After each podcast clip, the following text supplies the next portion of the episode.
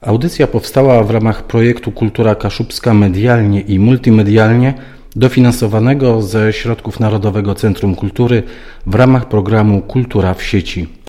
Jest ze mną dzisiaj pan Ryszard Arkuszyński, e, jedyny w naszym regionie tak naprawdę garncarz e, z zamiłowania, z pasji, no może nie z wykształcenia, ale to, co Pan robi, e, no to jest już powiedzmy mistrzostwo. Panie Ryszardzie, jak to się stało, że zajął się Pan ceramiką? Ja zająłem się w 75 roku. E, mój ojciec był także garcarzem i w 75 roku poznałem moją żonę i u teścia w Sokolu koło między Czuchowem a Polnicą zrobiłem sobie warsztacik, taki mały warsztat, 22 metry kwadratowe. Piec wybudowaliśmy sobie na zewnątrz i tato mnie zaczął uczyć. Nauczył mnie w 76 roku, zwolniłem się z takiego dużego zakładu i otworzyłem sobie działalność. I tato do 91 roku mi tę wiedzę przekazywał.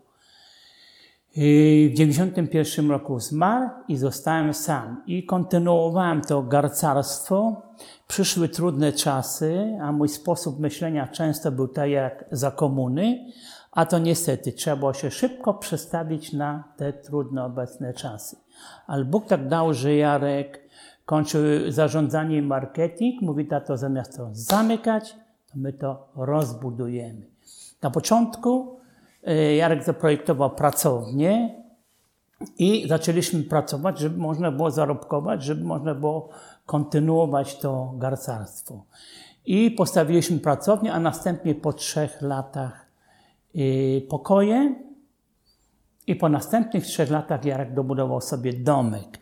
Także to w sumie trwało 9 lat. Chciałem jednocześnie powiedzieć, że Córka skończyła ekonomię, a potem podyplomowe fundusze strukturalne. Napisaliśmy wniosek i dostaliśmy dofinansowanie. W 2006 roku na 540 y, wniosków w Urzędzie Marszałkowskim nasz uzyskał szóste miejsce. Najwięcej dostaliśmy za podtrzymywanie tradycji rodzinnych oraz za piec, który jest komponowany w naszą pracownię, on jest taki sam jak 300 lat temu. A na dowód tego, e, że mówię prawdę, jest taka piękna powieść, jeżeli chodzi o historię i tradycję. Jest taka piękna powieść Krystyny Wieczorek. Autorka w Polsce nazywana jest Reymontem w spódnicy i opisuje dzieje swojej babci na przełomie XIX i XX wieku. I losy tej Marii zetknęły się z moim dziadkiem Piotrem, i jego sześcioma braćmi. Wszyscy trudnili się garcarstwem. Proszę wziąć pod uwagę, że na obecne czasy zostało nas w Polsce 21, a w 80 roku nas było 2300. Jesteśmy stowarzyszeni w Stowarzyszeniu Twórców Ludowych w Lublinie. Ja tam byłem u Pana w tej, w tej pracowni, ja to wszystko y, widziałem, tam rzeczywiście robi to wrażenie.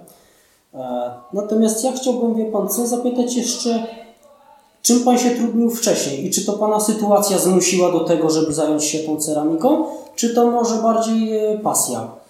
Nie, to mnie sytuacja zmusiła i pasja też. Po prostu pracowałem w takim dużym zakładzie produkcyjnym za komuny w Człuchowie i tam się nabawiłem nerwicy serca i tato mówi do mnie, słuchaj, ja umiem ja kiedyś żyłem z garcarstwa i to wszystko, co otrzymałem, chciałbym Tobie to przekazać. I tak pomalutku, pomalutku i żeśmy otworzyli swoją działalność. No to tata uczył Pana do 90, 91 roku, tak? tak? Od 76 roku. Mhm, a był taki czas, że Pan e, mógłby już stwierdzić, jestem na tyle już wykształcony w tym, że mogę to prowadzić sam? Tak. Jaki to był czas? Po to był gdzieś po, powyżej, no już koło 6 lat. Koło 6, 6 lat. Trzeba było, 6 bo lat trzeba było się zajmować, tak? tak, umiejętności wzrastają wraz z upływem czasu. Najpierw robiłem malutkie rzeczy.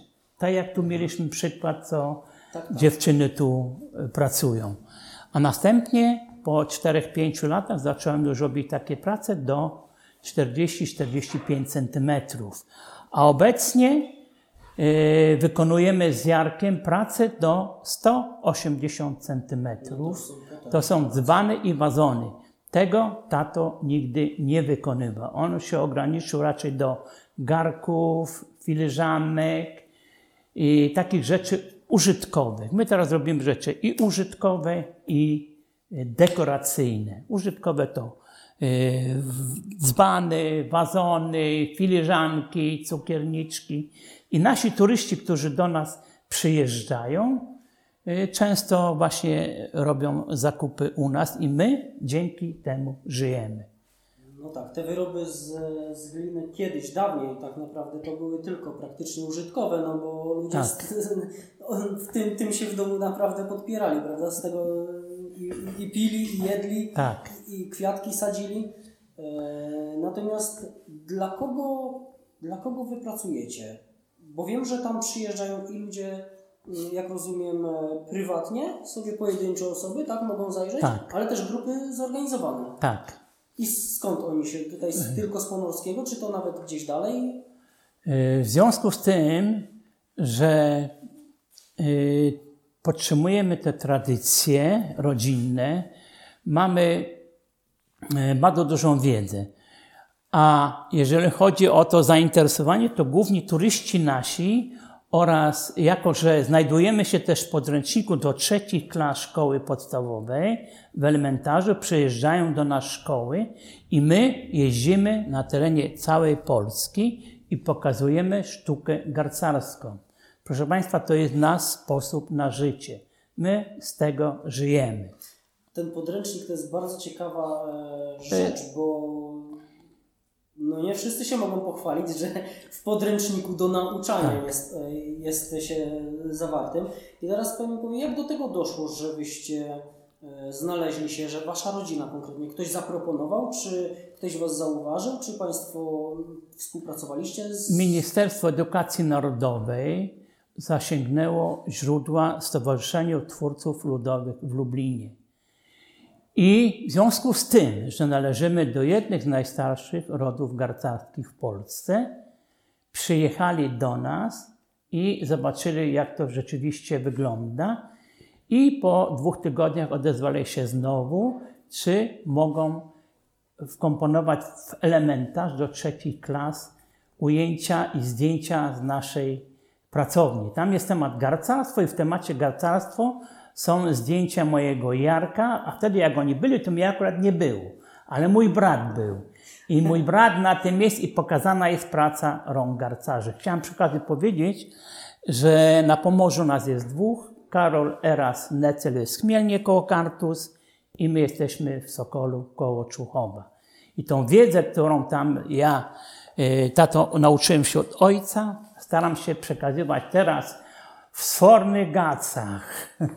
Tak, teraz, teraz Pan prowadzi projekt e, pod nazwą Jak to w Sfornegaciach dawniej garnki wylepiano, No. więc no, trwa już e, niemalże rok i będzie trwał do końca grudnia. E, Mam nadzieję, że ta wiedza zostanie odpowiednio wykorzystana. Właśnie jak już jesteśmy przy tym temacie, to widzi Pan już postępy? Są? Tak, tak, zdecydowanie tak. Czyli Nie będę nikogo wyszczególniał, ale praktyka. dziewczyny robią postępy, o, o mężczyźnie już nie wspomnę. E, A ja chciałbym e, nawiązać jeszcze w naszej rozmowie do mm, tego Stowarzyszenia Twórców Ludowych. E, Pan jest tam zrzeszony. Jak to się wydarzyło, że Pan tam jest? Czy to przez ojca, czy, czy sam Pan się tym zainteresował? Kiedyś, kiedyś e, przez to, że się należało do Stowarzyszenia Twórców Ludowych, uzysk- uzyskiwało się atesty na nasze prace. I potem na podstawie tych atestów można było nasze prace sprzedawać, uzyskując, nie płacąc 8, y, nie płacąc 23%, tylko płaci 8% VAT-u. I to był główny czynnik. A oni, ja starałem się przez, o ten status twórcy ludowego, przez e, y, przez wystawy i organizowanie wystaw i sprzedaży. I to Czyli to trzeba jakoś udokumentować swoją działalnością, tak? Tak. Żeby, się, żeby się tam... e, i staramy się o status twórcy ludowego i w 1981 roku dostałem status od ministra kultury i sztuki za pośrednictwem stowarzyszenia. Czyli tak naprawdę tutaj zadecydowała ekonomia, finanse. Tak. Żeby, tak, żeby, Tak, żeby można się było w jakiś sposób utrzymać. A jak pan myśli, dlaczego tak się dzieje teraz, że no jeżeli w 90 roku było tych twórców tam ponad 2000, teraz jest 21 tylko? No, to Zanika chyba to. e, głównie to spowodowała chińszczyzna, trucizna Chin, ale teraz daje się zauważyć powrót ludzi do natury.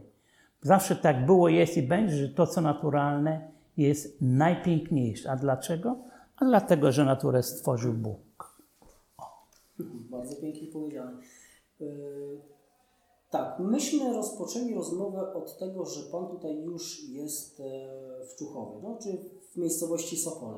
Ale z tego co wiem, to Pan wcale stąd nie pochodzi. Nie. Ja pochodzę, dzisiejsza e, to jest ziemia kielecka kiedyś, a teraz to jest łódzkie, a chodzi konkretnie, to są Dąbrowa nad Czarną koło Sulejowa.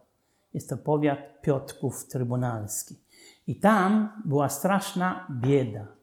Ojciec robił te garki, ciężko było sprzedawać, bo ludzie byli biedni i w 56 roku przeprowadził się na tak zwane ziemie odzyskane na północ. I tu znalazł takie miejsce w powiecie miasteckim i tam postawił sobie piec, taki sam jak 200-300 lat temu i kopił, ko, kopał e, koło, które napędzane były nogą i kontynuował to garcarstwo i później przeprowadziliśmy się do Czuchowa.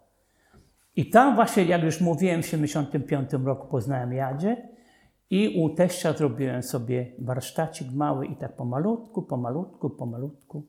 I dochodzimy do dnia dzisiejszego, gdzie dziś to kontynuuje mój syn Jarek. A tam na tej Kielecczyźnie Pan też e, zajmował się tym, czy to raczej nie? Był Pan z dala Nie, jeszcze za młody? jeszcze nie dorosłem, jeszcze byłem za mały.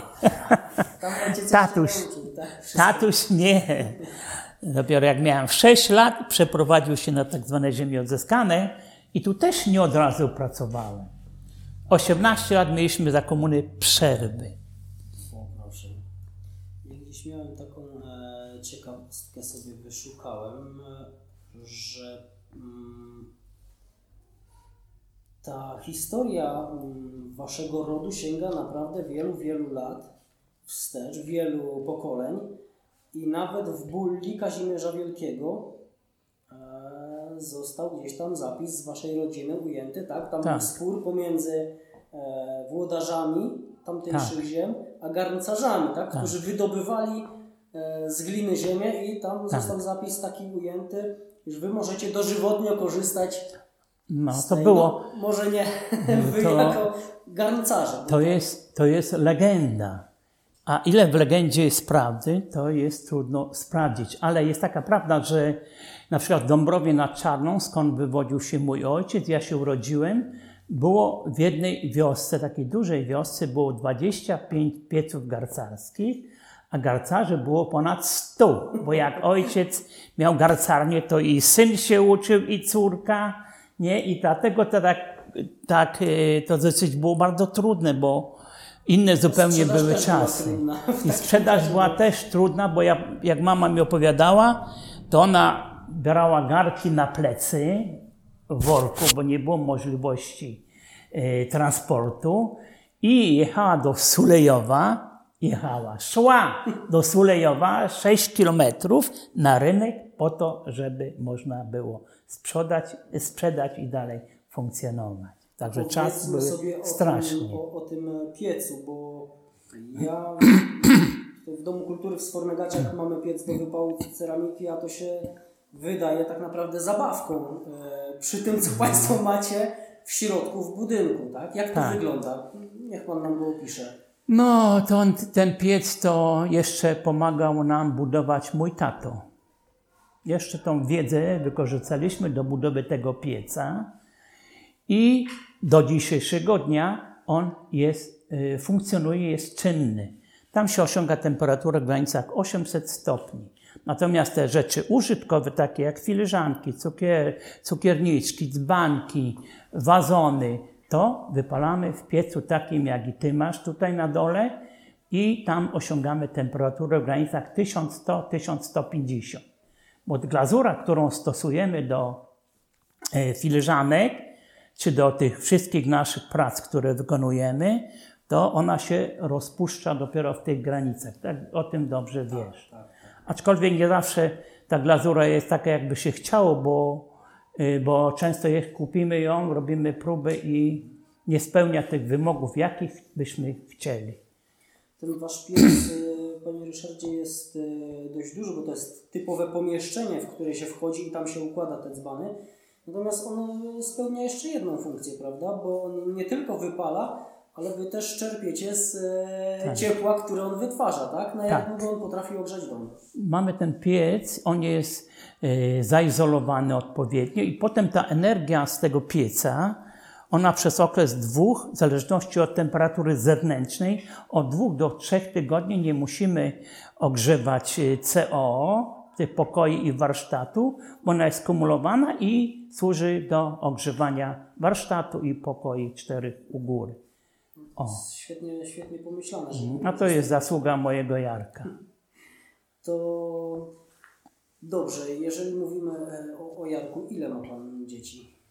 Ja mam dwójkę. Córkę mam, Joasię, w Chojnicach, y, w Tak, Harzykowach można mieszka. napisać, tak, ten projekt Tak, na tak. No Bo to właśnie- wynik, jeżeli to na szóstym miejscu. Tak.